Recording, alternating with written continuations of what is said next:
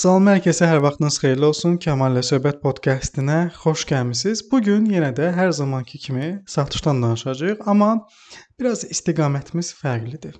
Nədir məsələ?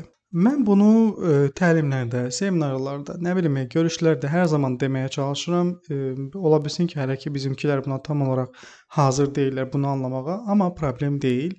Ə, e, yəni gec-tez hər yəni hər şey kimi gec-tez bu da vaxt gələndə öz yerini tutacaq. Nədir məsələ?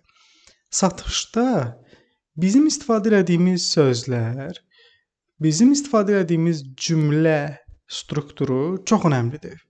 Bilirəm deyəcəksən ki, qardaş, nə var ey burada? Bu məhsulu göstər, alırsan, al, almırsan, alma. Mən yaxşıyam, ay belə, ay elə. Bu belə deyil. Bizim istifadə etdiyimiz sözlər çox əhəmilidir. Həm müştəriyə qarşı, həm də özümüzə qarşı.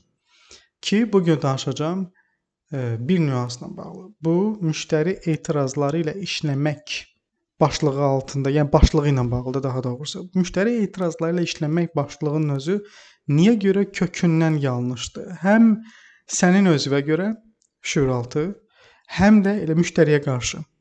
Niyə bu yanlışdır? Ümumiyyətlə bu ifadənin özünü işlətmək birbaşa olaraq əslində sənin satışla bağlı heç də yəni düzəməlli bir məlumatın olmadığını göstərən çox gözəl bir siqnaldır.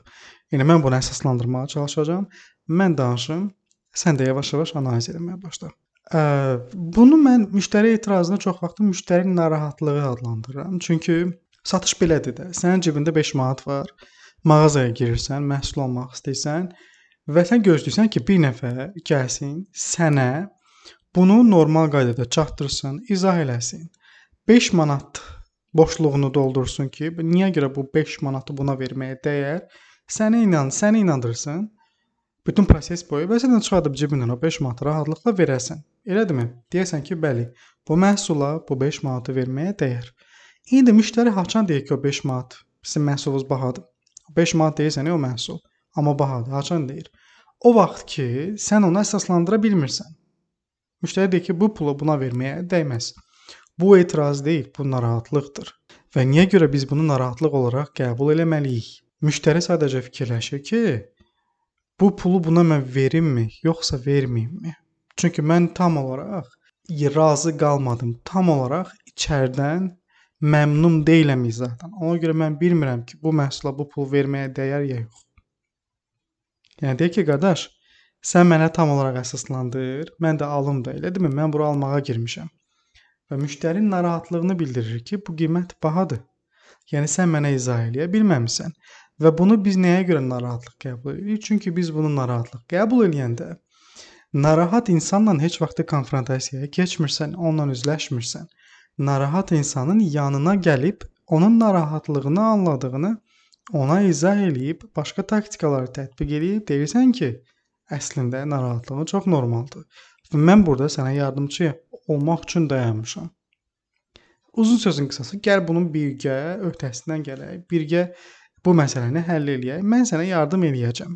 Hər nədirsə.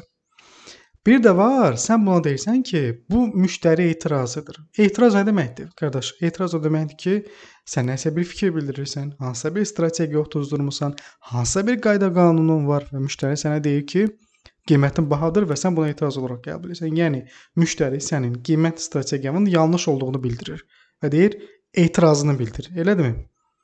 Və nə olacaq?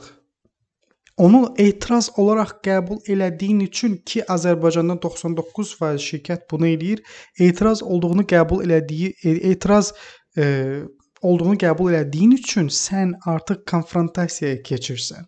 Müştəriyə əlindən gələn izahı eləməyə çalışırsan ki, nə üçün onun fikri yanlışdır və nə üçün sənin qiymətin əslində doğrudur.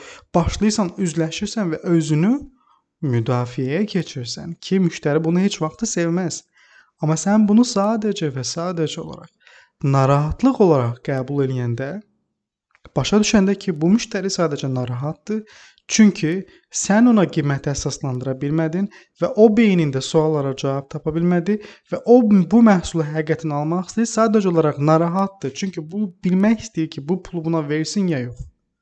Sənin səhvində əsaslandıra bilməmisən. Narahatlıq olaraq qəbul edəndə onun yanına keçirsən və onunla danışırsan, həmsöhbət olursan, məsələni sadəcə olaraq ona elə tərzdə çatdırırsan ki, deyirsən qardaş, sənin yanındayam. Başa düşürəm sən nə fikirləşirsən, anlayıram. Bu tək sən deyilsən. Bla bla bla bla bla bla. İndi burada taktikalar var. Deyirsən və müştərini rahatladırsan. Elədimi?